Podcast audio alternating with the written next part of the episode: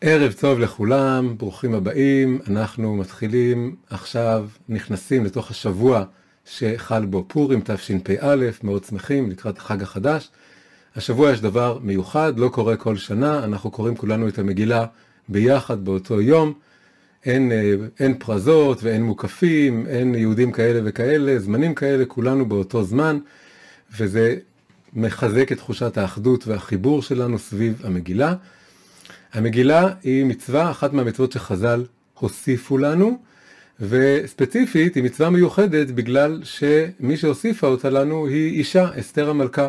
היא זאת שביקשה, שדרשה, שקריאת המגילה תהיה חלק מהמנהג הקבוע, שכל שנה בשנה, לא רק באותה שנה, שנקרא את המגילה כל שנה, ואחרי זה גם התעקשה שגם נכניס את זה לתנ"ך. היא אמרה, קבעוני לדורות, שנחוג את החג ונקרא, כתבוני לדורות, שזה ייכנס לתנ"ך. ודבר מאוד מיוחד, אסתר, הדמות המיוחדת שנמצאת כאן במגילה, היא גיבורת המגילה, המגילה נקראת על שמה, בזכותה גם יש לנו את, ה, את המצווה הזאת. יש הלכה שאומרת שכל הקורא את המגילה למפרע לא יצא ידי חובה. הכוונה היא שאם הוא קורא אותה מהסוף להתחלה, או לא לפי הסדר, אז הוא לא יצא ידי חובה, זה הלכה כזאת. אבל הבעל שם טוב אמר על זה דבר מאוד חשוב. הוא אמר, הוא דרש את זה, פירש את זה בצורה פנימית, חסידית יותר.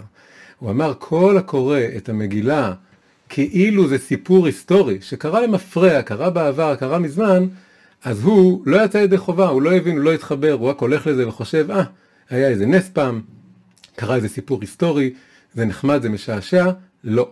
חייבים לחשוב שהדברים קורים עכשיו, וקורים כאן, ונוגעים לנו, ורלוונטיים לנו, וככה אנחנו גם רוצים לגשת אל המגילה הערב בשיעור הזה.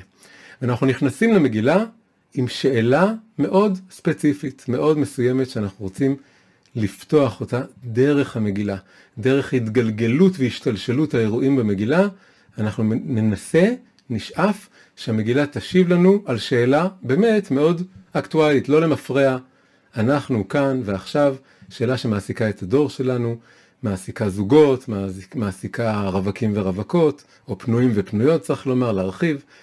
והשאלה הזאת היא, מה המגילה יכולה לגלות לנו על גבריות ונשיות, וכמובן היחסים ביניהם. אנחנו כולנו אנשים מאוד מיוחדים ומאוד שונים ומאוד uh, מגוונים, וכמובן כל הגברים הם לא אותו דבר, לא מקשה אחת, וכל הנשים, אבל אחרי כל הדברים האלה, הפסיפס הייחודי הזה של התכונות שלנו, בסופו של דבר, פלא פלאים, שוכן בגוף שהוא או זכרי או נקבי. והמכלול הזה, ממבט הוליסטי נקרא לזה, המכלול של הגוף נפש, אומר שמצד הגוף יש בנו איזשהו צד שכל כל הנשים קשורות במהות הזאת, באיכויות האלה שנקראות נשיות, שקשה לפעמים לשים עליה את האצבע, אבל יש משהו כזה. והוא כנראה לגבי כל הגברים. אז הדבר הזה נוגע לכולנו. אפשר לנסות אה, לטשטש את זה או להתעלם מזה, אבל תמיד זה מרגיש לי כמו החמצה, כמו פספוס. יש פה הפוך, יש פה איזו הזדמנות מאוד עמוקה להתעצם, להתחבר עם איזשהו עניין עמוק, גדול. חז"ל אומרים שכל מה שהקדוש ברוך הוא ברא בעולמו, זכר ונקבה בראם. הזכריות והנקביות, או הגבריות והנשיות, הם אה, חדורים דרך כל הרמות והרבדים של המציאות, ולכן זה שאלה עמוקה לפתוח את זה ולהבין את זה. ואנחנו רוצים לעשות את זה דרך מגילת אסתר. אז עכשיו אנחנו ניכנס למצגת שלנו, ואנחנו יוצאים לדרך. הנה יש לנו פה מסך, כי זה בעצם מין פורים שפיל גדול, אנחנו רוצים להיכנס להצגה שלנו, לסיפור שלנו, ולברר, כמו שאמרתי, את השאלה הזאת. אז נתחיל משאלה מאוד פשוטה. מאיפה אני בכלל מביא את הרעיון ששייך ומתאים לקרוא את מגילת אסתר דרך השאלה הזאת של גבריות ונשיות? למה זה כל כך מרכזי? זה לא הנושא של הסיפור. יש בזה כל מיני גברים ונשים, כמו בכל סיפור, אבל הסיפור הוא על השגחה ועל נס ועל הצלה ועל הצלה ליהודים, ונהפוך הוא אשר ישלטו היהודים המה בשונאיהם. ולמה דווקא הנושא הזה? אז התשובה נמצאת ממש בהתחלה, בפרק הראשון. הפרק הראשון מתחיל כל הסיפור, יריית הפתיחה, הטריגר לכל ההשתלשלות היא אה, ריב זוגי, אה, סכסוך בתוך המשפחה בין ושתי ואחשורוש, אה, שמובילה לאירוע דרמטי שמשפיע על כל הממלכה כולה ועל כל הזוגות בממלכה ועל היחסים בין המינים. הכל מתחיל שבתוך המשתה הענק והעצום שאחשורוש עושה, 180 יום של משתה, של לחגוג את המלכות שלו, אז הוא בתוך המסיבה של השכרות מזמין את ושתי להראות את יופייה לפני חבריו ושריו, וכמובן ותמאן המלכה ושתי לבוא בדבר המלך אשר ביד הסריסים, וזה גורם לו לקצוף. ולהתמלא חימה, כן? באופן כללי, הגברים כאן, גם הוא וגם המן, יש להם נטייה לכעס, לכעסנות, וזה נושא, זה חלק בעצם הנושא שנרצה לדבר עליו כאן. אז הכל מתחיל ממשהו מאוד פרטי, מאוד אישי, יש פה זוג שמשהו שם לא עובד טוב, אה, יכול להיות שזה מתחיל בבקשה, בעצם הבקשה שלו, כנראה זה התחיל כבר קודם, היא מסרבת, לא מוכנה, והדבר הזה שאמור להישאר בחדרי חדרים בארמון, בגלל שאין כזה דבר, אלא הכל משיק להכל, וכאן מדובר בארמון המלכות, במלך, הדבר הזה יש השלכה לכל הממלכה, ואז אה, אחרי דין ודברים השרים שלו, אז בא השר הכי קטן, האחרון מבין שבעה השרים, ששמו ממוכן, מזהה כאן איזו הזדמנות לקידום הקריירה שלו, ומציע הצעה, הוא אומר, ושתי היא לא רק עבתה, היא לא רק עיוותה את הסדר הנכון בין גברים ונשים בארמון, היא לא סתם אישה, היא המלכה, היא תשמש דוגמה לכל הנשים, הולך להיות לנו כאן מרד, מרד נשים נגד הגברים, נגד הסדר הגברי, ולכן אה, אה, צריך מהר מהר למנוע את זה, לעצור את כדור השלג לפני שהוא יתגלגל, והמצב בסוף מוביל למצב עוד יותר גרוע לנשים, כנראה שמההתחלה לא, לא היה כזה כבר, כבר כזה טוב, אבל עכשיו הוא נהיה יותר גרוע, שולחים ספרים לכל המדינות, וכתוב משפט מאוד חזק, מרגיש מאוד אקטואלי, כי ברור שיש פה כאן איזה משהו ביקורתי, הרי המגילה כולה באה לבקר את, ה, את העולמו מלא הרהב, מלא הכוח, מלא הפגנת הכוח של אחשורוש וארמונו, אז אחד הדברים שיש כאן זה שנחקק חוק להיות כל איש שורר בביתו ומדבר כלשון עמו. כמובן שיש פה אמירה מאוד חזקה, זה לא רק שורר ושולט, לפני זה כתוב שאנשים צריכות לגלות יקר לבעליהם, לכבד אותם, וכלשון עמו זו אמירה אפילו עוד יותר חזקה, יש כאן איזשהו ניסיון, כך נראה, להשתיק, או לפחות להחליש את קולם של אנשים. אם יש פה זוג שבאים משפות שונות, אז אפשר לפתור את זה בכל מיני צורות, שכל אחד ילמד קצת את השפה של השני, שמדי פעם ידברו כך, מדי פעם כך, יש כל מיני פתרונות שאנשים כאלה מוצאים, אבל פה הופכים את זה לחוק, שהוא יכול וצריך לדבר בשפה שלו, והיא צריכה להיות בעצם עילגת יותר, חלשה יותר, יכולת הביטוי של הנפגעת. אז הנושא המגדרי נקרא לזה, או הנושא של יחסים בין המינים, נמצא בצורה ניצב, מוצב, בצורה מאוד מאוד חזקה, בפתח אה, הפרשה. עכשיו בעצם אפילו אפשר לבוא ולהגיד אה, כזה דבר. אה, עוד, עוד דבר, עוד, עוד, עוד קומה שיש כאן, שמראה שיש כאן נושא של גבריות ונשיות. אמ, כשמסתכלים על כל המגילה, כל הסיפור של המגילה, מה קורה שם? אז רואים שבעצם עיקר סיפור המגילה זה שהמציאות מסתבכת, נוצרת גזרה מאוד קשה ומסוכנת של המן להשמיד את כל היהודים, ובסוף הכל נפתר. כל הדבר הזה, האיום מסולק. אסתר בארמון, יחד עם השגחה פרטית שמרדכי הציל את אחשורוש ונדדה שנת המלך, וכל ההצטרפות של האירועים, אבל סיכומו של דבר, האיום שפתאום מופיע מוסר, ואז אה, חוגגים. אפשר כן להגיד שמצבם של היהודים עלה, עובדה שנפל פחד היהודים על העמים ומתחילים להתייהד, אבל בגדול יש כאן איזה מין סיפור מעגלי קצת. הוא מתחיל אה, במצב שאין גזרה, המציאות לא מתוקנת לפי חז"ל, יהודים הולכים למשתאות, אבל אין איזה גזרה, לא כתוב על פי פשט שקרה משהו רע, הכל מסתבך בגלל שמרדכי מגיע לארמון ולא משתחווה לאמן, המן כועס, גוזר גזרה, הגזרה מתבטלת, הכל חוזר לקדמותו, ואולי באמת כמו שאמרנו יותר טוב, קרנם של היהודים עלה. אבל יש משהו שכן השתנה. לא ברמה הכללית של עם ישראל והגזרה והנס, יש משהו מאוד מאוד ברור, מאוד קונקרטי שהשתנה בתוך הארמון. מה השתנה בתוך הארמון? היה אישה אחת וגבר אחד אה, רעים, לא טובים, שסולקו מהארמון, ובמקומם נכנסו אישה אחרת וגבר אחר. מי סולקו? ושתי והמן יצאו מהתמונה, ושתי בהתחלה, המן בסוף, ובמקומם נכנסו אסתר ומרדכי, אסתר בהתחלה והמן, ומרדכי בסוף, אבל בסופו של דבר אפשר להגיד שזה מה שיצא לנו, מכל הסיפור, מכל ההשתלשלות, האירועים, כולנו שמחים על הנס, אבל כשמסתכלים בפועל על מלכות אה, פרס ומדי ועל ארמונו של אחשורוש, עיקר הדבר שהשתנה זה שעכשיו מרדכי ואסתר החליפו את אה, המן ובשתי. ולא סתם, זה מדובר על שני גברים ושתי נשים.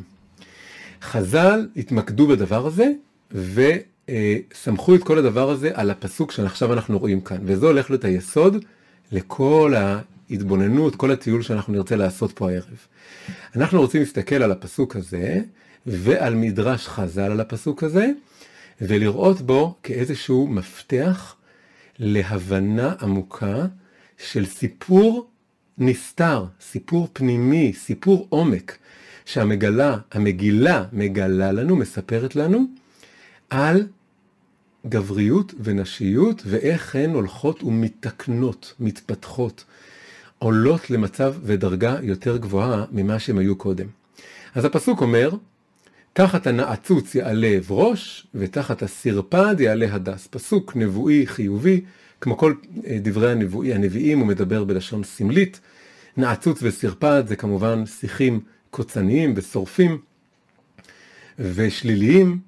נעצוץ זה בעצם מין קוצים, וסרפד כולנו יודעים, ובמקומם הם מתחלפים בעצים חיוביים ושמחים, ומשמחים את העין ואת הלב, ו... וזה מה שהפסוק אומר. עכשיו באים חז"ל ודורשים את כל הפסוק הזה בהקשר למגילה. והם אומרים ככה, הם אומרים תחת הנעצוץ, פרט פרט, תחת הנעצוץ, מי זה הנעצוץ? המן הרשע.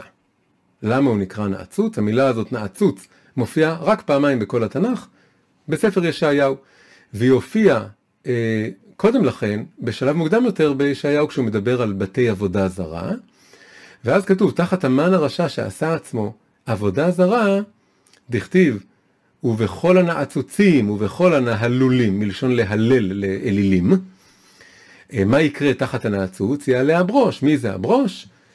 זה מרדכי. למה מרדכי הוא ברוש? שהוא נקרא ראש לכל בשמים, שנאמר, עוד מעט נקרא את זה בחומש שמות, זה אה, שנאמר, ואתה קח לך בשמים ראש מר דרור.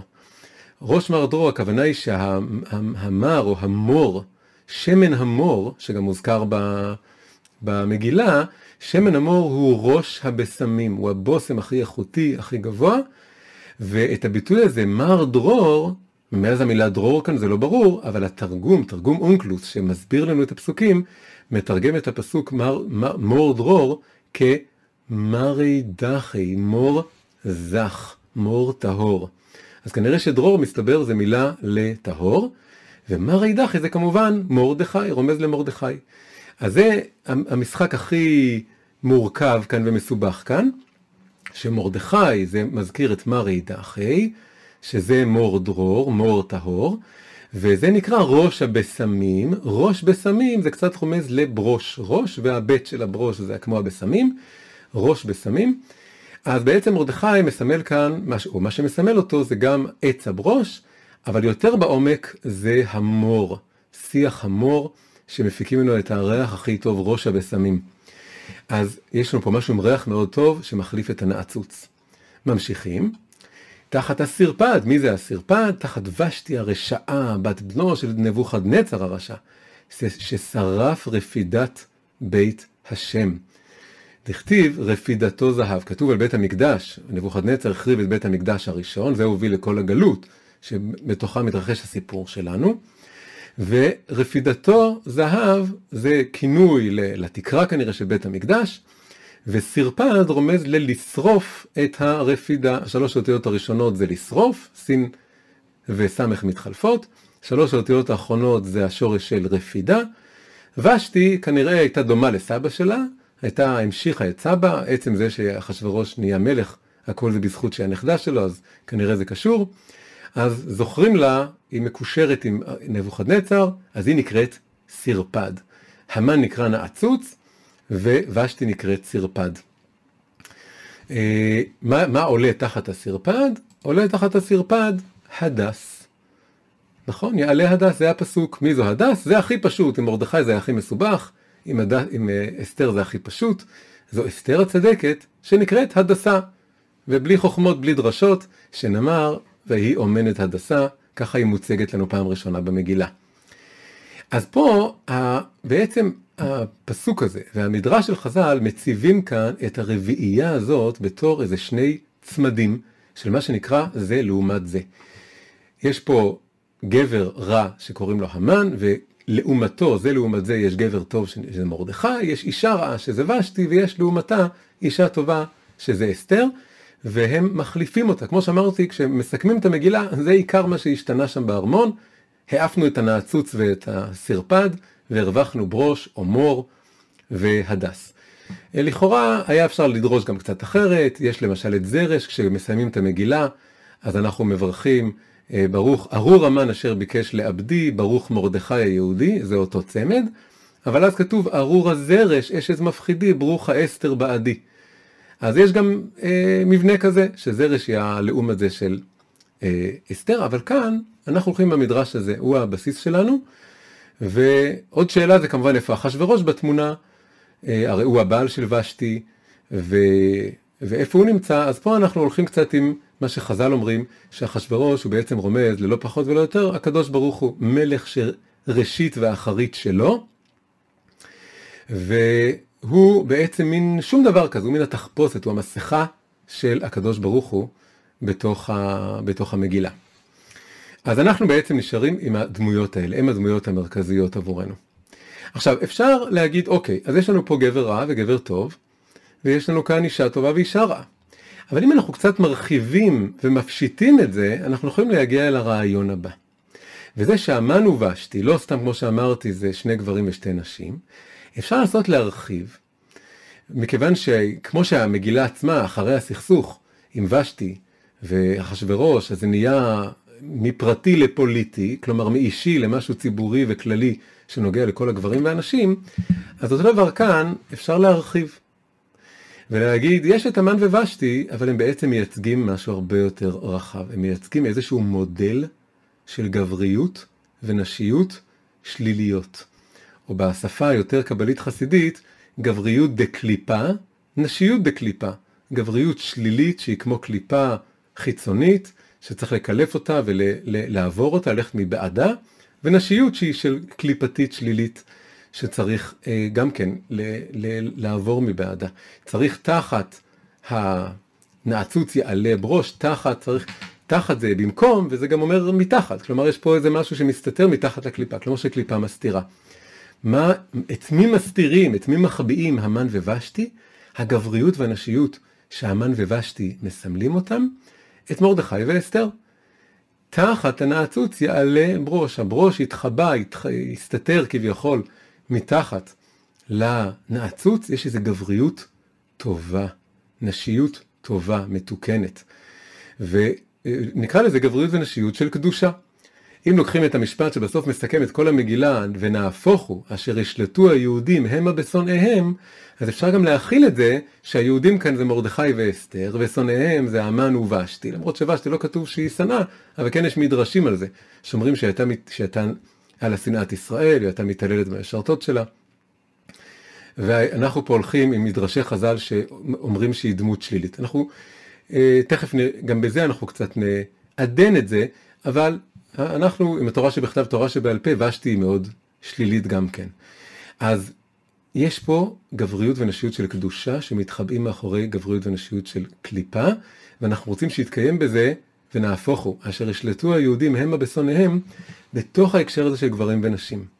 כלומר, אפשר להגיד שבאיזשהו מקום יש פה איזה מין תהליך שהגבריות צריכה לעבור, אולי כל גבר צריך לעבור, של התקלפות מגבריות שלילית, ואותו דבר אישה יש לה איזו התקלפות מנשיות שלילית, וצריך למצוא, לחשוף את הגבריות והנשיות היותר פנימיות, היותר עמוקות שמסתתרות מתחת לפני השטח. אז זה הרעיון שאנחנו רוצים אה, ככה לצעוד איתו אל תוך המגילה. עוד הקדמה לפני שנוכל לעשות את זה, כדי שקצת צוללת, מחברת אותנו לעצם הרעיון, שבעצם מרדכי והמן הם שני צדדים של אותו מטבע, סיטרא דקדושה וסיטרא דקליפה, זה צדדים של אותה מציאות. אז זה רמוז ב... אה, עוד לפני זה, סליחה, עוד לפני זה, שתי הקדמות.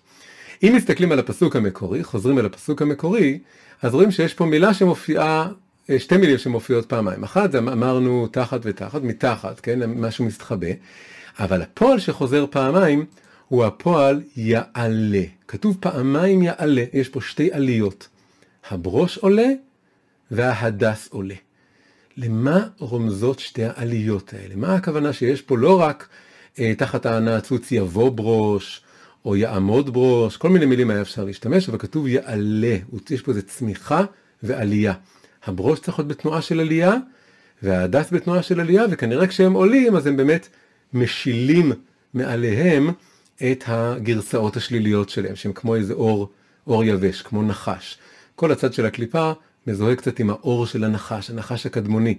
אז אנחנו צריכים להשיל, גברים ונשים, את הקליפות, את הנגיעות החיצוניות הלא מתוקנות, הלא מבוררות, הלא זכות, וזה הולך עם תנועה של עלייה. עכשיו המילה הזאת עלייה מחברת אותנו למושג שאני מדבר עליו לא מעט, ומי שנמצא בשיעורים שלי מכיר אותו, ו- ובכלל יותר ויותר מדברים עליו, זה חשוב לדבר עליו. אה, והמושג הזה נקרא עליית הנשיות.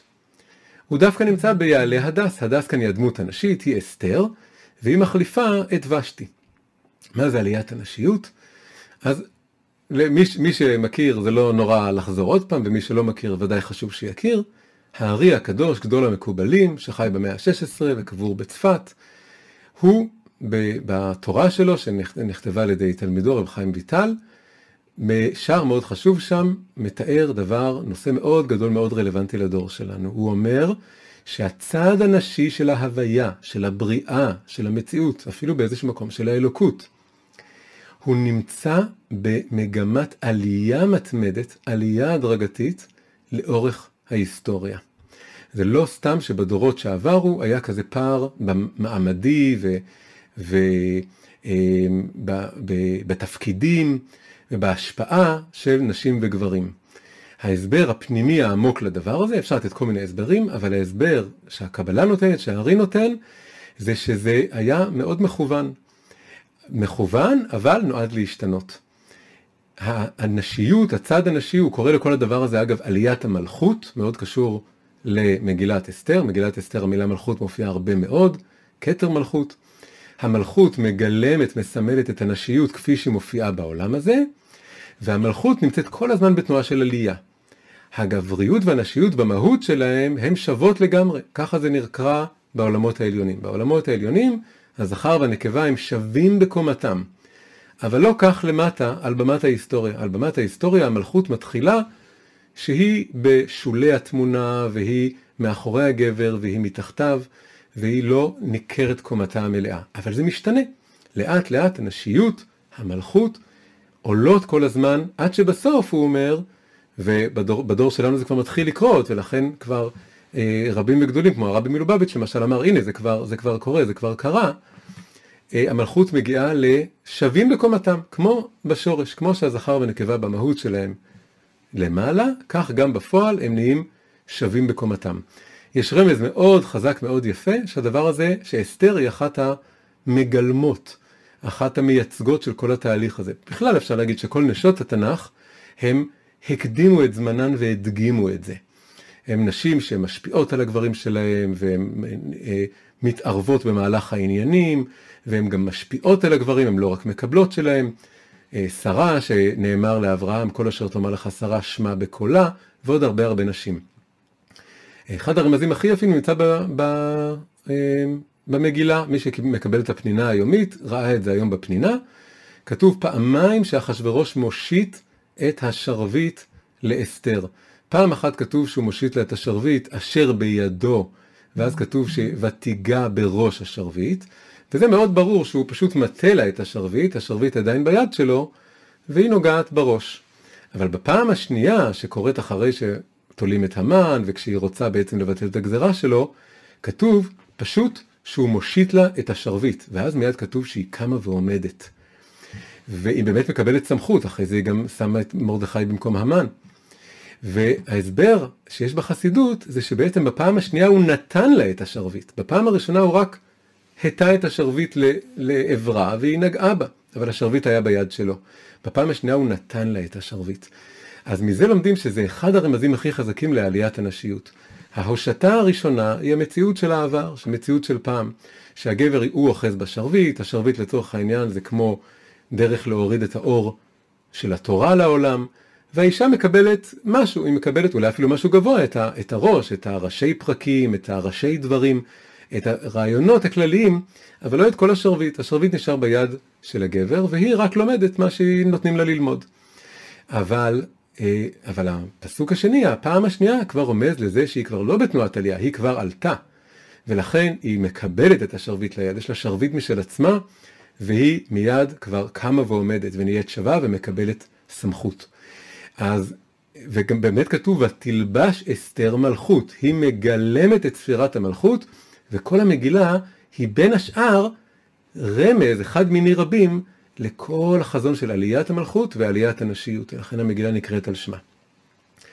אז זה יעלה הדס, יעלה הדס זה רומז בעדינות, שתחת הסרפד יעלה הדס, זה רומז לעליית הנשיות, רק שנוסף לנו כאן אלמנט שצריך, יש איזה קודם כל איזה סרפד שצריך אה, להיפטר ממנו, להחליף אותו, ו, והוא מסתיר, הוא מפריע לנשיות הזאת לעלות, ואז היא יכולה לעלות. אבל יש לנו את המילה יעלה פעמיים, ופה מגיע החידוש, שלא מדברים עליו הרבה ולא כותבים עליו, כולל אני, שאני מעביר על הנושאים האלה הרבה שיעורים. וזה הנושא מרכזי שאני רוצה גם להוסיף אותו כאן להתבוננות שלנו הערב, יש לנו גם יעלה ברוש. כלומר, יש פה איזה מין רמז שאולי יש כאן גם עליית הגבריות. לא רק עליית הנשיות. לכאורה זה סותר את כל הרעיון, כל הרעיון היה שהגבריות היא כבר מתחילה בתחילת ההיסטוריה, הגברים שולטים, הגברים לומדים, הגברים מלמדים, הגברים מובילים. ואנשים, רובן ככולן, לא, חוץ מיחידות סגולה כמו שאמרנו. אבל זה לא מדויק, גם לפי הארי זה לא מדויק. יש גם עליית הגבריות, היא יותר אה, מינורית, היא, בגלל שמלכתחילה העמדה של הגבר במציאות היא, היא, היא יותר כבר נוכחת ושולטת ומשפיעה. אבל אף על פי כן, עם עליית הנשיות, גם הגבר צריך לעבור תהליך של עלייה. העלייה כאן, ההתעלות, היא להתעדן ולהיתקן ולהיות יותר שלם ויותר קדוש ויותר מתוקן. וזה בא לידי ביטוי בשני דברים. אחד זה שהוא מקבל, ככל שהמציאות מתקדמת, גם הגבר, לא רק האישה, גם הגבר מקבל, זה נקרא מוחין חדשים. מוחין הכוונה היא השראה, לימוד, תורה חדשה. זה לכל, גם גברים וגם נשים. כשכל תורת החסידות היא באה להיות סוג של תורה חדשה, כלומר לחשוף את פנימיות התורה לכולם. אז היא חדשה לכולם. אז גם הנשים בעלייה, בעלייה אה, בזכותה, וגם הגברים בעלייה בזכותה.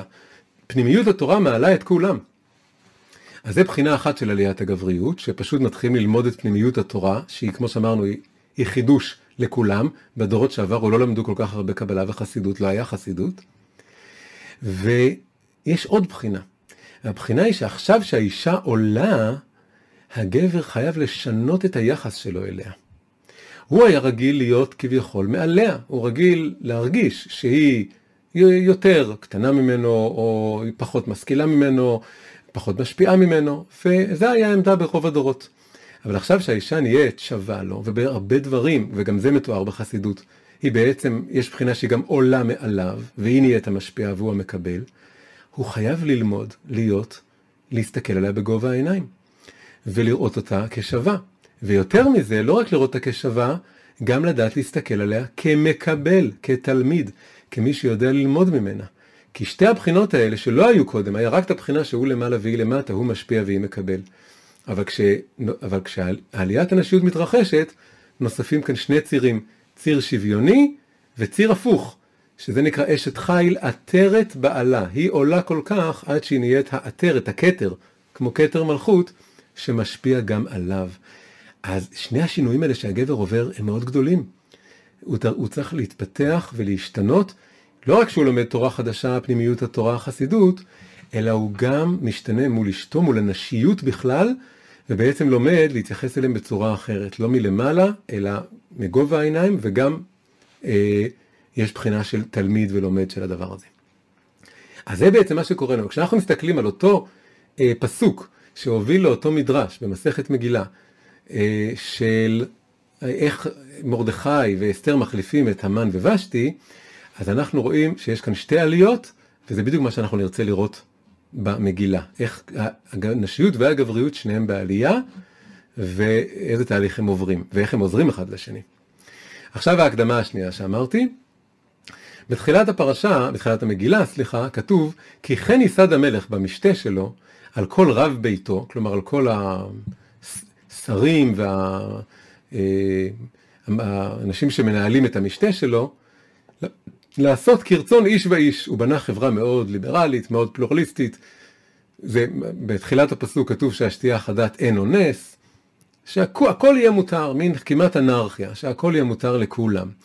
ועל זה עוקצים אותו, אין כזה דבר. אי אפשר לעשות כרצון איש ואיש. אתה לא יכול לעשות גם כרצון בן אדם אחד, גם כרצון בן אדם אחר, כי הרצונות האלה סותרים. חז"ל לוקחים את המילה איש ואיש ואומרים איש ואיש זה המן ומרדכי, בכוונה כדי להקצין את זה. איך אפשר לעשות משתה אחד שאומרים מותר, מותר לשתות יין כמה שרוצים ולממש את כל היצרים ומותר ללמוד תורה. הכל מותר אצלנו, אין אצלנו שום איסור, זה בדיחה. ברגע שעושים כזה דבר, ברור שרק רצון של איש אחד באמת בעצם מתממש, וזה המן, בגלל שאין, זה לא כוחות.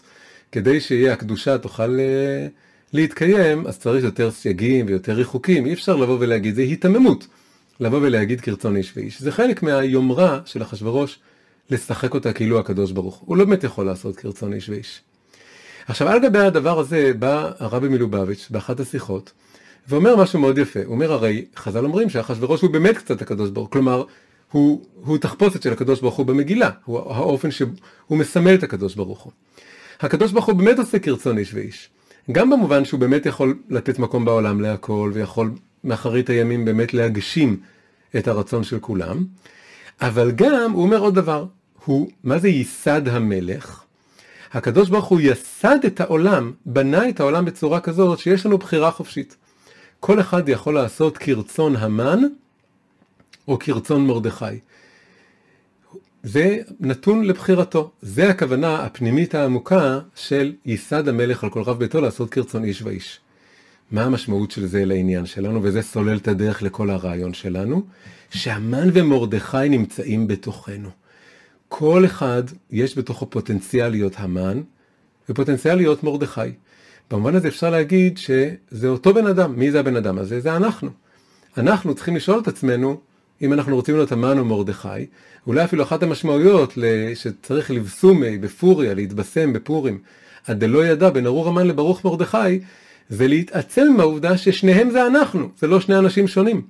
אני גם המן, אני גם מרדכי, מצד היצר הרע שלי, אם אני הולך איתו עד הסוף אני נהיה המן, מצד יצר הטוב שלי, אם אני הולך איתו עד הסוף אני נהיה מרדכי, הכל קיים בי, איש ואיש זה לא שני אנשים שונים, זה אני האיש הזה. האיש הזה הוא אני, הילד הזה הוא אני, שניהם. גם ככה תמיד מסבירים בחסידות את שבת זכור, את מחיית עמלק, הילדים שרים עמלק תסתלק מהמוח והלב, רוצים, עמלק הוא בתוכנו, המן הוא בתוכנו, ו... והתיקון כאן הוא תיקון פנימי, כל אחד צריך לתקן את ההמן שבו ולחשוף את המרדכי שבו. אז אם אנחנו מחברים את זה למדרש שלנו, אז זה כמו אותו דבר נהיה על אה, אישה ואישה, רצון אישה ואישה. הבת זוג המטאפורית של המן זה ושתי, והבת זוג המטאפורית של, ולא מטאפורית, של מרדכי זה אסתר, שלפי חז"ל הם בזוגיות. אז אה, אה, שניהם בתוכנו. ותיקון הגבריות זה בעצם כל גבר צריך לקיים בתוכו תחת הנעצוץ יעלה בראש, להיפטר, להשיל, למול, אולי זה קצת כמו איזה עורלה, למול את הגבר הלא טוב שבו ולגלות את המרדכי שבו, ואותו דבר אישה צריכה אה, להשיל או להתפתח, לצמוח, לעלות מהוושתי שבה לאסתר שבה. אז הרעיון כאן הוא באמת של קליפה וקדושה, זה מה שעכשיו אמרתי. בכל גבר שמענו מרדכי, בכל אישה יש ושתי ואסתר. והסיבה שוושתי והמן קודמים, זה לפי כלל בקבלה שנקרא קליפה קדמה לפרי. תמיד זה ככה. המציאות היא, היא נבראת בצורה כזאת שאנחנו צריכים לתקן אותה, ואנחנו צריכים לעדן אותה ולשנות אותה, והקליפה קודמת לפרי. קודם יש את הקליפה, ואז יש את הפרי. היום יש ביטוי כזה שמסתובב בעולם, שנקרא גבריות רעילה. יש דבר שאנשים מאוד נרתעים ושוללים מסוג של גבריות שהיא כוחנית והיא אלימה והיא אה, שלילית, קוראים לה גבריות רעילה. אז אם לוקחים את המילה רעל, את השורש הזה, אפשר להפוך את האותיות והוא נהיה ערל, עורלה. כל תיקון הגבריות אצלנו קשור בברית מילה. ברית מילה זה כמו להסיר איזה קליפה. יש קליפה שצריך להסיר אותה, עם אישה זה קצת שונה, אין לה, לא עושים לה ברית מילה, חלילה, אבל גם שם יש עורלות, יש עורלה בלב, יש עורלה באוזן, עורלה בשפתיים, יש עורלות, והעורלות האלה צריך להסיר אותן. אז זה הדימוי של קליפה וקדושה. יש גם בדיחה כזאת שאומרים שישראלים זה כמו סברס, שבחוץ הוא דוקר ובפנים הוא רך, אז, אז זה גם כן אמירה חזקה, שבדיוק מה שמופיע כאן בחוץ זה נעצוצים וסרפדים, ובפנים יש לנו את הבחינה העמוקה. אחרי כל ההקדמות האלה, אנחנו יכולים עכשיו להתחיל לצלול אל תוך השתלשלות האירועים במגילה, ובעצם עכשיו לקרוא אותה מחדש, או לפחות לקרוא חלק גדול מהאירועים שבה, כמלמדים אותנו ומסמלים לנו על התהליך הזה של אה, צמיחה והופעה של הגבריות והנשיות מתוך, ה, מתוך הדבר הזה. רגע, בעצם אני קולט שיש כן עוד איזה הקדמה אחת קטנה, ואז יכולים לראות את זה. אבל כל ההקדמות האלה הן חשובות מאוד. אה, מה, מה קודם למה? זה ויכוח גדול. יש זוגות שרבים, ושניהם לא בסדר. אבל השאלה היא מי צריך לתקן את עצמו קודם. האם הגבר קודם צריך לתקן את עצמו ורק אז האישה, או קודם האישה ואז הגבר? לפי מה שיש לנו כאן שתי התשובות נכונות. לפי הפסוק בישעיה, הוא אמר תחת הנעצוץ יעלה ברוש. אז יוצא שהגבר משתנה קודם. קודם מרדכי נפטר מהמן שבו, ו... והופך להיות מרדכי, ורק אחרי זה תחת הסרפד יעלה הדס. אז על... על... עליית הנשיות קורית שנייה. אבל במגילה זה לא ככה. במגילה אסתר מחליפה את ושתי בשלב מוקדם במגילה, ומרדכי מחליף את המן בשלב מאוחר במגילה. ואנחנו בעצם רוצים ללכת עם סיפור המגילה, אז אנחנו רוצים להתבונן בדבר הזה, זה הופך להיות הדבר העיקרי. הפסוק, רק חז"ל גייסו אותו כדי להסביר את המגילה, אבל העיקר זה המגילה. והרעיון שיוצא לנו מכאן הוא מאוד חשוב ומאוד עמוק, והוא היסוד לכל מה שנרצה לראות. מצד אחד, וזה קצת מסביר אולי את הפסוק בישעיהו, עליית הנשיות היא באה בעקבות הגבריות, הרי הגברים תמיד היו בכוח ובשליטה ו- ולומדים ומלמדים ומשפיעים ומנהיגים. אז עליית הנשיות היא מאוד איטית והדרגתית והיא רק באמת בעצם מגיעה לפני השטח רק בשלב מאוחר בהיסטוריה, רק בדורות האחרונים. אבל אז קורה היפוך. וזה מה שרואים במגילה. בסוף, כשהנשיות מתחילה לעלות, אז היא כבר רצה. ויש פה איזה מין צמיחה, איזה האצה, איזה צמיחה כמו משהו אקספוננציאלי. שהנשיות עולה, וכשהיא מתחילה לעלות, היא בעצם עולה ועוקפת את הגבריות. זה קצת כמו הארנב והצב, שיש אחד שהוא מהיר יותר, אבל ברגע מסוים הוא כבר אה, רגיל למעמד שלו ורגיל למצב שלו, ודווקא החלש הוא זה שמנצח בגלל שהוא ממשיך לנסות ולעבוד והוא יותר, יותר מתאמץ, יותר משקיע. אז כאן הנשיות היא תמיד הייתה מאחורה, אז היא, היא לכאורה השנייה, כמו הפסוק בישעיה, קודם הגברים ואז הנשים. אבל זה לא נכון, והמגילה מראה שכשעליית הנשיות מתרחשת היא קודמת לעליית הגבריות, וכפי שנראה היא לא רק קודמת, היא מחוללת את עליית הגבריות. היא עוזרת לגבר לעשות את העלייה שבו הוא לא יכול לעשות את זה לבד. מה שאין כן עליית הנשיות, היא דווקא כן עושה, יש צד שהוא כן עוזר לה, אבל לא בדיוק מבין מה הוא עושה. עכשיו אנחנו נראה את זה, את כל הדבר הזה במגילה. אז הנה אנחנו מתחילים, יוצאים לדרך. אנחנו עכשיו רוצים לעבור על אירועים מרכזיים במגילה, מההתחלה ועד הסוף, לא את כל הסיפור, כי מה שמעניין אותנו זה הנושא של ארבעת הדמויות האלה, ואנחנו רוצים עכשיו את כל הדבר הזה להבין בעצם כתהליך שגברים ונשים או בהרחבה הגבריות והנשיות צריכים לעבור אותם. איך זה קורה? איך זה נעשה? איך אפשר להבין את זה? מה קודם למה? איך זה מתחולל? אז המגילה נותנת לנו המון רמזים. אז נתחיל מנקודה נורא חשובה. אמרנו שמי שמציע להיפטר מוושתי, ואגב, צריך לציין, לא ברור מה עלה בגורלה של ושתי. לא ברור אם תולים אותה, או מגלים אותה, או סתם מוציאים אותה מהארמון והיא חוזרת הביתה, בכלל לא ברור, היא פשוט מפסיקה להיות המלכה. וזו נקודה חשובה. בכל אופן, מי שעושה את כל הדבר הזה זה ממוכן. ממוכן, היועץ השביעי בסדר החשיבות, חמור קופץ בראש, שבא ומציע את כל הרעיון הזה, והוא גם מדגיש שכל הנשים צריכות לכבד את הבעלים שלהם למי גדול ועד קטון, יש לו הרבה תודעה שהוא אולי קצת תסביך נחיתות, והוא עושה את הדבר הזה. הוא גורם להעיף את ושתי והוא גורם להכניס את אסתר. אבל חז"ל באים ואומרים דבר נורא נורא חשוב, חידוש עצום. הם אומרים ממוכן הוא-הוא המן, זה אותו אחד. פעם קוראים לו ממוכן, אחרי זה קוראים לו המן, אבל זה אותו אחד. וזה משנה המון דברים במגילה. וקודם כל ברמה הכי פשוטה זה מסביר למה בתחילת פרק ג' כשהמן נכנס לתמונה, אז פתאום כתוב שהוא גדל מאוד, שמגדילים אותו. בעצם זה נורא ברור עכשיו נהיה. הוא קיבל פרומושן, uh, הוא קיבל קידום בזכות העצה הטובה שלו להעיף את ושתי ולהביא את אסתר. אחשוורוש מאוד מרוצה מאסתר, אז הוא מאוד מקדם אותו, ואז הוא נהיה כזה גדול, ואז הוא לא סובל שלא, שלא משתחווים לו.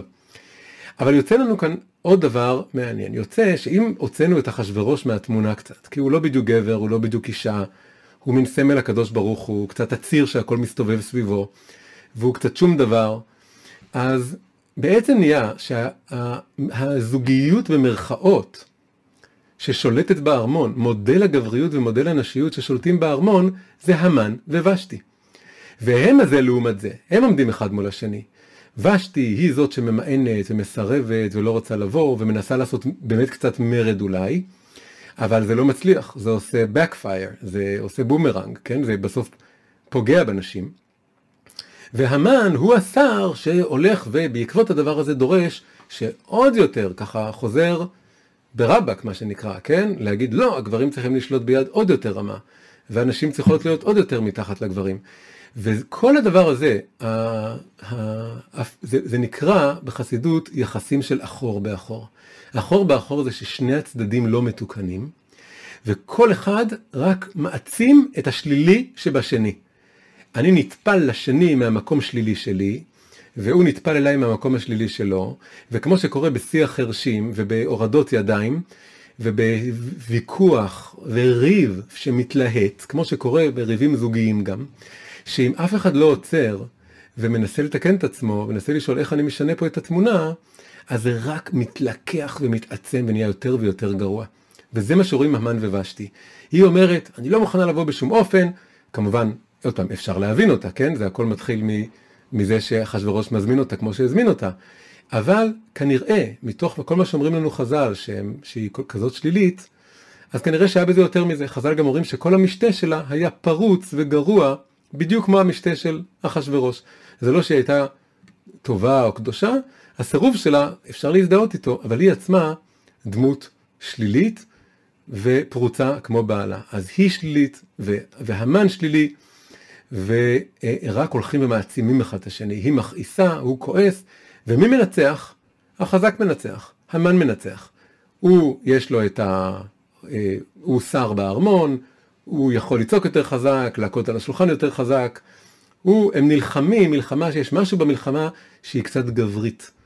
הוויכוח, ההתעצמות, ההתנגדות אחד לשני, אני יותר חזק, אני יותר חזקה, אני קובע, אני קובעת, כל הדבר הזה מוביל למצב שהוא מנצח, בגלל שהוא באמת יותר חזק. ככה זה כשנלחמים בצורה כזאת. עכשיו אה, קורה דבר נורא מעניין. אפשר להסתכל על זה משתי נקודות מבט. מנקודת מבט אחת, ברגע שהמן ממוכן, הוא מוציא את החוק הזה, אז מה הוא אומר בעצם? הוא אומר, אי אפשר לסבול נשים חצופות כאלה. אז כל הסדר, שכן, שמכונה פטריארכלי, הוא נשבר. צריך שיהיה מאוד ברור מי השולט, מי הסורר ומי דובר בלשון עמו. אז אנחנו צריכים לקחת את האישה הסרבנית, המרדנית, ה... ה... שלא מקבלת מרות, ולהיפטר ממנה. ואיזה מין אישה להביא? ברור, צריך רעותה הטובה ממנה, כן? צריך להביא אישה שהיא יותר טובה במונחים שלהם. מה זה אישה יותר טובה במונחים שלהם? אישה שהיא הפוך מוושתי. ביישנית ושתקנית וצייתנית וכנועה ומקבלת את, את גורלה. והם מכניסים את אסתר, מוצאים אישה יהודייה, כל כבודה בת מלך פנימה, ככה היא נראית, נראה שהיא לא מאיימת על המן ולא מאיימת על אחשורוש ולא מאיימת על הארמון, היא נראית הכי הפוכה מבשתי שיכול להיות. אבל כמובן כולנו יודעים שזה לא באמת מה שקורה. אסתר היא לא מה שהיא נדמת כלפי חוץ. בפנים, בעומק, היא מתגלה כמשהו הרבה יותר חזק בעצם מבשתי. היא באמת עושה מהפכה, היא באמת עושה שינוי, היא גם בסוף מביאה למפלתו של המן. המן הכניס אותה לארמון, לפי הדעה שהמן זה ממוכן, והוא חשב שהוא מכניס אה, אישה תמימה כזאת, סייה תמימה. אבל בעצם זה היה סוס טרויאני שהוא בעצמו לא הבין מה הוא עושה. הנקודה שיוצאת מכל הדבר הזה, זה שעליית הנשיות קורית למרות שהגבריות עדיין לא מתוקנת. זה הגבר הוא מסייע בלא יודעין, בלי כוונה, בעליית הנשיות. הוא בעצם מביא אישה שהיא פועלת את העלייה תחת הנעצוץ, יעלה, סליחה, תחת הסרפד יעלה הדס. והיא נכנסת פנימה, הוא לא מבין מה הוא עושה, הוא בטוח שהוא מקבל אישה אה, צנועה ושקטה, שתקבל מה שנגזר עליה, לא אחת שפתאום תיזום מהלכים ותיזום משתאות ותגיד שהוא רע ותבטל את הגזרה שלו וכל מיני דברים כאלה. עכשיו אפשר להסתכל על כל הדבר הזה מהזווית של האישה. אם הפכנו את ושתי ואסתר לאותה אישה, יש לנו עכשיו בעצם רק גבר אחד ואישה אחת. יש לנו המן שעתיד להיות, עתיד לגלות בתוכו את מרדכי, ויש את ושתי שבתוכה יש את אסתר. אז לפי הקריאה הזאת, שיש פה בעצם מין זוגיות כזאת, והם היו בריב של אחור באחור, אז אפשר לתאר את כל הדבר הזה כאילו בעצם אסתר עושה את זה. אסתר שבתוך, כלומר האישה עושה את זה, אסתר ושתי. היא אומרת, איך כתבתי את זה כאן? עליית הנשיות מתוך הבנה שלא נכון לנסות ולנצח את הגברים במשחק שלהם. ושתי אסתר, האישה, מבינה שלא הולך לה. כשהיא מנסה לריב איתו אחור באחור, זה לא עובד, הוא צועק יותר חזק והוא מפעיל את הכוח שלו, והוא לא סובל את זה, הוא רוצה שיכבדו אותו, הוא רוצה שיקשיבו לו גם כשהוא לא מתוקן ולא מושלם, גם כשהוא אמן. אז היא מבינה שזה זה, זה לא עובד בצורה שהיא עבדה. ואז היא עושה בתוכה את השינוי. ושתי שבאה, יוצאת החוצה, נסוגה, הולכת אחורה, היא כאילו אומרת, אוקיי, אתה לא סובל את הוושתי שלי, אני הולכת, אין בעיה. ושתי עושה צעד אחורה, ולכן אולי לא כתוב מה קרה לה, שזה לא שהורגים אותה או משהו, היא פשוט, היא בעצמה מחליטה מה שנקרא לעשות תשובה. במובן של להתחבר לפנימיות ולעומק שלה, והיא הופכת להיות אסתר. ושתי יוצאת מהארמון, אסתר נכנסת, והיא בעצם מתגנבת לתוך הארמון בלי שהגבר, שהוא כרגע עדיין במצב של המן, הוא לא מתוקן, הוא, הוא עדיין מחוספס ועדיין רק רוצה כבוד ולא מעריך את אשתו ולא מבין אותה, אבל היא כבר, היא לא מחכה לו. היא הופכת מוושתי לאסתר, היא גוועת, היא צומחת, היא מתחברת למקום יותר עמוק ויותר פנימי, היא לא מחכה שהוא יתקן את עצמו, היא מבינה שזה יהיה הפוך. היא זאת שתעזור לו להתחבר למרדכי שבו. ככה יוצא מכאן. שאסתר מבינה, אני צריכה להיכנס לארמון, ואני ברגע הראשון אהיה מה שהוא רוצה שאני אהיה כביכול. הוא רוצה אחת שמכבדת ולא מתווכחת, אין בעיה. זה דווקא מאפשר לי להתחיל בצורה, ברגע שהוא נרגע, והוא הוריד את המגננות, והוריד את המקום שהוא מרגיש מאוים ומותקף, ואני עכשיו יכולה להתעמק לתוכי פנימה, להוציא את, להתחבר להסתר שבי, להוציא את ההסתר הגבוהה שבי, ואז אני ככה אכנס לאט לאט לאט לאט לאט לאט, אני אתגנב, ופתאום בלי שהוא ישים לב, הוא יגלה שאני מעליו, ואני אקרא למרדכי שבו. אם אמרנו שהמור וההדס זה ריח טוב, אפשר להגיד שהיא קצת מריחה את הפוטנציאל של הגבר להיות מרדכי יום אחד. היא מריחה את מרדכי שבתוך המן. כרגע הוא המן, הוא לא מרדכי. הוא עוד לא חולם על זה. אבל היא אומרת, אוקיי, אני, אה, אני אעבוד על עצמי, אני אתקן את עצמי, אני אעלה, ומתוך זה שאני מריחה את המרדכי שבו, אני אזמין ואביא לארמון את מרדכי שבו. אני אקרא למרדכי. אם הוא לא הופך להיות מרדכי, אני אביא לכאן את מרדכי. וזה בדיוק מה, ש, מה שקורה. סליחה? בעקבות כניסת אסתר לארמון, פתאום מי מגיע בעקבותיה? מי הולך כמו איזה, מי ככה, מי צועד בעקבותיה מגיע לאזור? מרדכי. כלומר, הגבר הוא כרגע עדיין המן, אבל האישה כבר לא מחכה לו, היא עושה את העלייה, אמרנו שעליית הנשיות קודמת לעליית הגבריות כשהיא כבר מתחילה לעלות. והיא מתחברת לאסתר, ברגע שהיא מתחברת לאסתר, יחד איתה, ברגע שהיא עשתה שינוי, והתחברה לאיזה תדר יותר פנימי ויותר עמוק ויותר גבוה, פתאום גם התדר הגברי הגבוה מתחיל להישמע, אבל רק מחוץ לארמון, מסביב לארמון. מה זה הדימוי שמרדכי מסתובב בשער המלך וככה הולך מסביב ובודק מה שלומה, והמן רואה בו כאויב? הדימוי הזה זה שהגבר פה מתחיל להרגיש את הגבריות האחרת, העדינה יותר, הגבוהה יותר, המתוקנת יותר, אבל רק בבחינה של אור מקיף. אור מקיף זה כמו בצורה לא מודעת לגמרי, או על מודעת, זה נמצא בעל מודע שלו ברקע. הוא מרגיש פתאום איזה אופק, איזה אפשרות לגבריות אחרת שהוא לא הכיר. היא פתאום מגיעה, היא עוד לא נכנסה כי זה לא בא מתוכו, אבל ברגע שאשתו משתנה, הוא כבר קצת מרגיש את זה. אני מכיר, יש כל מיני זוגות שפתאום אחד מתחיל לחזור, מחליט או מתחיל לחזור בתשובה, והשני לא. לפעמים זה הגבר ולא האישה, לפעמים זה האישה ולא הגבר. יש מצב שראיתי, שיש זוג שהאישה חוזרת בתשובה והגבר לא, הוא לא, לא מבין מה היא רוצה, והיא לא מחכה לו. היא הולכת על זה, היא מתחילה להדליק נרות, מתחילה לשמור שבת, היא מתחברת לדבר הזה, והוא כלפי חוץ נשאר, במרכאות כפולות, המן. לא, לא גרוע כמו המן, אבל קצת, הכוונה היא שהוא מזלזל בזה, והוא קצת צוחק על זה, והוא לא מתחבר לזה. אבל לאט לאט רואים שקורה משהו מעניין. בגלל שהיא עושה את העלייה הזאת, והיא מאמינה במרדכי שבו, כלומר במקום יותר עדין וגבוה ורוחני שבתוכו, והיא מאמינה בו, הוא לאט לאט מתחיל להרגיש איזה דגדוג שהוא בעצם גם רוצה להשתנות. הוא מתחיל להרגיש שיש עוד איזה אפשרות שאולי הוא כן יהיה הגבר שהיא קצת רוצה וחולמת, ואולי הגבר אחר, זה נראה לו, זה הופך מלחלוטין מופרך עבורו, לקצת לא מופרך, קצת אפשרי. זה נקרא, המקיף הזה זה נקרא נוגע ואינו נוגע, משהו שמתחיל ככה לזמזם לי ברקע, בזכותה, היא מביאה לו את זה. אם היא הייתה מחכה שהוא יהיה מרדכי, היא הייתה מחכה לנצח, זה לא היה קורה. היא, היא הבינה שהיא צריכה, הפוך, היא צריכה לעבוד על עצמה, לא להיות ושתי. אגב, ושתי זה אותיות ישות, ישות בחס, בחסידית, בשפה החסידית, זה כמו אגו, זה נורא להרגיש את עצמי ולחוש את עצמי, ושתי ישות, אז אני אומר, טוב, אז אני לא רוצה את הישות. אני משילה את הישות, מתחברת להסתר הצנועה והפנימית, ופועלת במעין אה, קסם כזה, פועלת עליו שהוא לאט לאט יתחבר למרדכי שבו. אני מביאה את הרוח, את הריח של מרדכי לתוך הבית, לתוך הארמון. הוא לא, הוא לא בדיוק בתוך הארמון, כי המן לא נותן לו להיכנס, אבל הוא מתחיל להיות שם והמן שם לב אליו. אבל התגובה הראשונה היא לא טובה.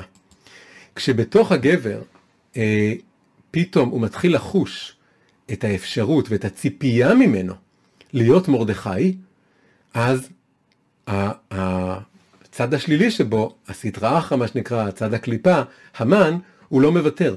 זה חוק, תמיד שאנחנו לפני צמיחה, לפני קפיצת מדרגה בהתפתחות שלנו, והריח, האפשרות של האני העתידי שלנו, היותר גבוה, היותר מתוקן, מתחיל לנצנץ בתוך הנפש, אז הצד הקודם, שהוא בעצם מין יצר הרע, הוא צד שרוצה שלא נתקדם ולא נתפתח, הוא מתחיל להשיב מלחמה, הוא מתחיל לשגע אותנו ולרצות, לא, אל תלכו לשם. הוא מאבד את העשתונות כי הוא יודע שבעצם רוצים להסיר אותו מכס המלכות ולשים את האני החדש, האני היותר גבוה. זה כמו הסיפור של רבי נחמן, בן מלך ובן שפחה, שהפכו אותם, וכשהבן שפחה, שהוא כרגע על כס המלכות, מרגיש שבאמת האמת מתחילה לצאת לאור, אז הוא משתגע ורק פועל שיעיפו משם את בן המלך האמיתי שמאיים על הכס המלכות שלו. כי ככה היצר עובד, ברגע שהוא מזהה שאנחנו רציניים, יש פה פתאום איזה מישהו חדש, איזה מרדכי, איזה גבריות יותר טובה, אז הגבריות הישנה יוצאת למלחמה. וזה בעצם החיימה של המן שרוצה להרוג את מרדכי. הוא אומר, הוא משתגע מזה. מרדכי לא קורא ולא משתחווה, הוא מחובר לעצמו. זה עוד פעם, זה הגבריות העתידית הגבוהה שעכשיו מתחילה להיכנס לתמונה. והמן, הוא, הוא אוי ואבוי, הוא רוצה להיות הגבר של פעם. השולט והחזק, ולא ללמוד את התורה החדשה, ולא להתחבר למקום העמוק הזה והפנימי הזה, כי, כי זה יכריח אותו בעצם להיות הרבה יותר מחובר לעצמו, הרבה יותר מחובר לאשתו בצורה פנימית, וזה שינוי, כל שינוי זה קשה. אז מה קורה? המן רוצה להרוג את מרדכי. ולא רק את מרדכי, את כל היהודים. מה זה כל היהודים? זה כל מה שמרדכי מייצג, כל מה שהוא מסמל וכל מה שהוא מייצג, כל היהדות והיידישקייט והפנימיות והעבודה ועבודת המידות ותיקון עצמי ויראת שמיים ותפילה וכל הדבר הזה מתחיל למאוס בזה, בגלל שזה כל הדבר הזה, אה, הוא רוצה גבריות פש, פשוטה כזאת, וגבריות המאנית. אז הוא מתנגד לזה. אבל מרדכי מצידו, שזה פה ה, במונחים של, של התניא, זה כמו נפש בהמית ונפש אלוקית, ב, שנלחמים, מרדכי לא מוותר. מה הוא עושה? אחרי שבאה הגזרה להרוג את מרדכי ואת כל היהודים, הוא עושה תשובה, הוא מתחזק בחיבור שלו למישהו ומשהו. אני יהודי, אני עובד השם, אז הוא שק ואפר ו... וזעקה מרה וכל מה שציירו פעם תשובה. כן, החסידות קצת החליפה את הרוח של התשובה. יש כזה וורט ידוע שרב זושה אמר שפעם תשובה זה היה ראשי תיבות תענית, שק אה, ובכי, איך זה הולך? תעניק שק ובכי, לא, בכי הספד, תענית שק ואפר, בכי והספד. שזה בדיוק מה שמרדכי עושה פה. אבל אמר רבי זושה, היום צריך להחליף את זה, ותשובה זה צריך להיות, תמים תהיה השם אלוקיך, שיוויתי השם לנגדי תמיד, ואהבת לרעך כמוך, אותם ראשי תיבות, כן? בכל דרכיך דאהו, והי, מה זה ההי? לא זוכר. אה, אולי תכתבו לי את זה פה. אז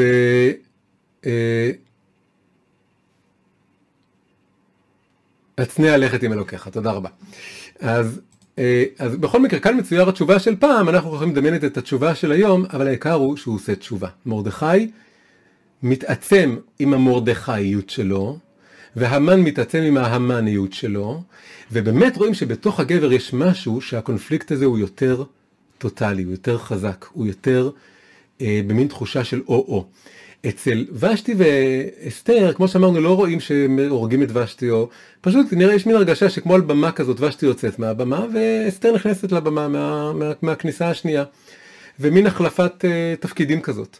אבל כאן יש מלחמה וקונפליקט ורצון להרוג, ובאמת בסוף צריך לתלות את המן באיזשהו אופן, זה לא עובד, זה ככה נראה, נראה מאבק פנימי של גברים, זה שונה ממאבק פנימי של נשים.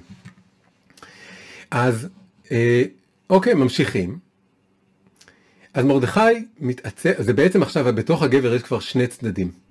יש לו צד שהוא רוצה להיות מרדכי, אז הוא מתחיל לעבוד על תשובה, אבל כמה שהוא עובד על תשובה, המן גם יותר מתחזק עם הגזרה, ולהפך, והוא מרגיש בתוכו את המלחמה הזאת. מה הוא יעשה בכזאת מלחמה? הוא במין תיקו, הוא במין מאבק פנימי.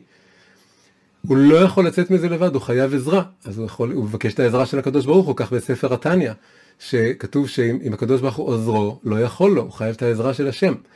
אבל יש עוד מישהו שיכול לעזור, שהוא עוזר להשם לעזור לגבר, וזאת האישה. בשלב מסוים, מרדכי מבקש מאסתר לפעול, ובעצם להעלות עוד. להעלות עוד, וגם כפי שנראה להעלות אותו.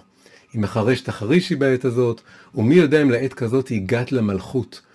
את עלית, את כבר יותר מחוברת ממני, את כבר בתוך הסיפור הזה שאת כבר יודעת מה זה להתחבר לנשיות הגבוהה. תעזרי לי, תלמדי אותי. הרי חלק מהבנייה של הגבריות, העלייה של הגבריות, זה שהוא ידע גם ללמוד מהאישה.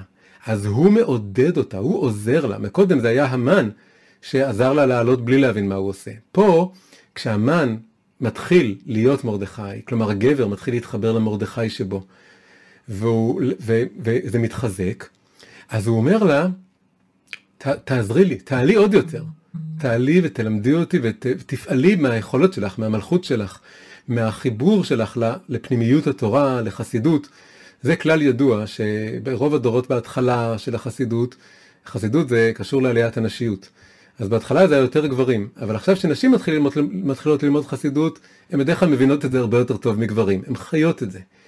אז פה הוא אומר, את חיה חסידות יותר ממני, ת, ת, ת, תשפיע עליי, תלמדי אותי, וזה בדיוק מה שהיא עושה, היא נהיית המשפיעה שלו. היא אומרת לו כך, והיא מסבירה לו איך לעשות תשובה, ולהפוך את זה ליותר כללי, והוא, ואז כתוב, ויעבור מרדכי ויעש ככל אשר ציוותה עליו אסתר. והיא נהיית המשפיעה שלו, היא עולה ומשפיעה עליו. ואז מגיעה הפעולה האחרונה בעצם. כמו שבהתחלה המן סייע לנש, לנשיות לעלות בלי להבין מה הוא עושה. הוא פשוט חשב שהוא רוצה נשיות כזאת צנועה וכנועה שאסתר סימלה אותה, והוא לא הבין את, את מלוא הסיפור של אסתר. אז גם כאן אסתר מסייעת לעליית הגבריות, אבל היא עושה את זה ביודעין. המן החליף את ושתי באסתר בלי לדעת מה הוא עושה.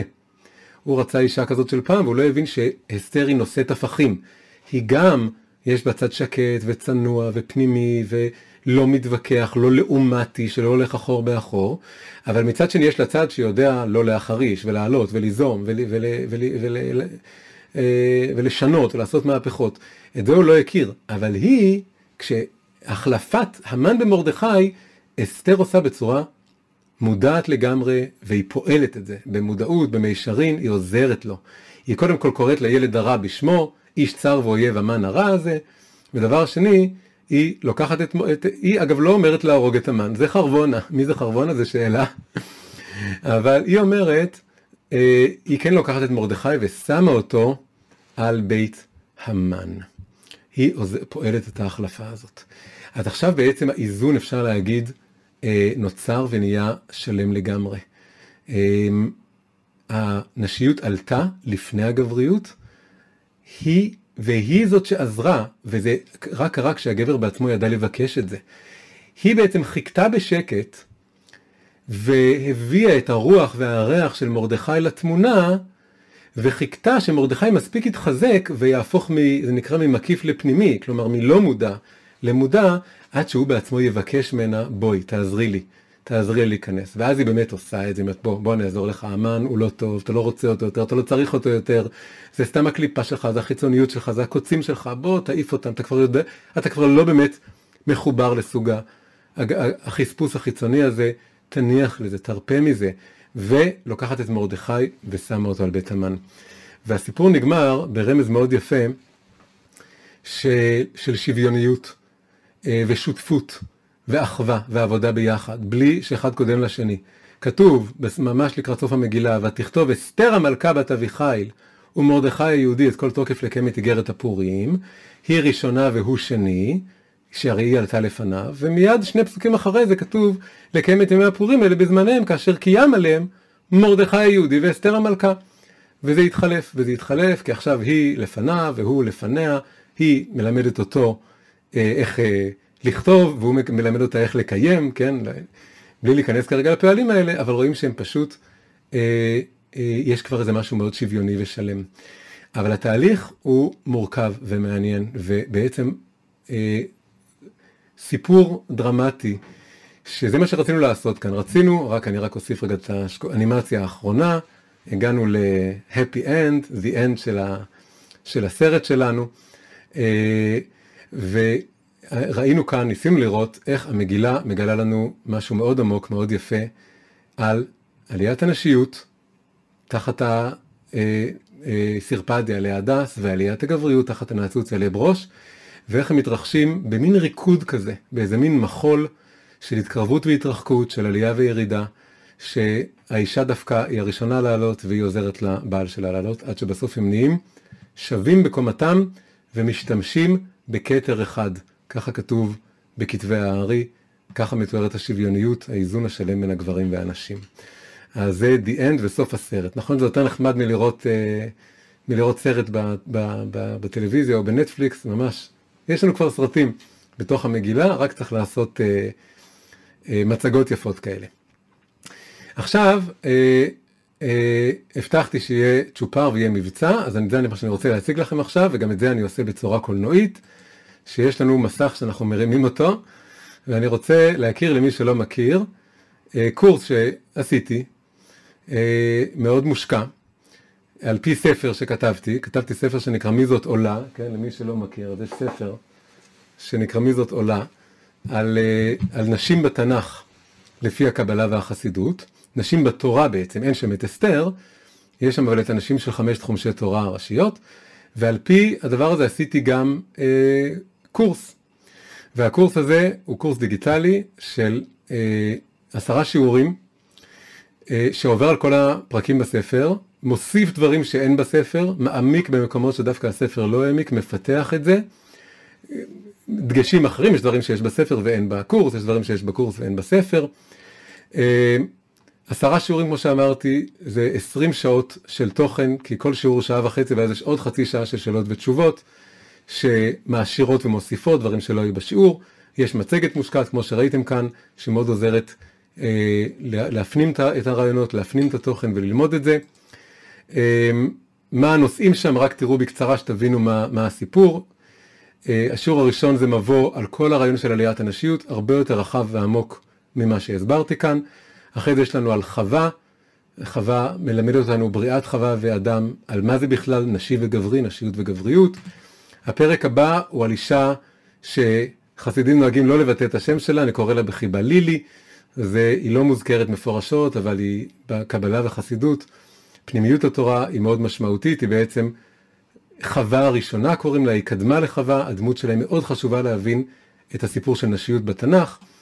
שרה מלמדת על השמעת הקול הנשי, כל אשר תאמר לך שרה שמע בקולה, איך האישה יכולה להשפיע על בעלה בצורה שהוא גם יקבל ממנה בצורה טובה, כמו שקרה עם שרה ואברהם.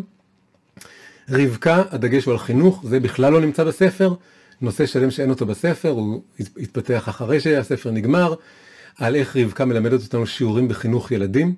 כל, כל הפרקים כאן בעצם ממש מלמדים על אה, שיעורים לחיים, כלומר זה לא רק ידע ומחשבה ורעיונות, אלא אה, יורד לכל מיני רזולוציות של עצות וכלים וטיפים לזוגיות, כמו עם שרה, לחינוך, כמו עם אה, רבקה. אה, סליחה. אה, אחרי זה יש רחל ולאה, זה השיעור 6, זה נקרא אהבה מבט שני, זה מתאר בעצם על איך לזהות רבדים בתוך בן הזוג.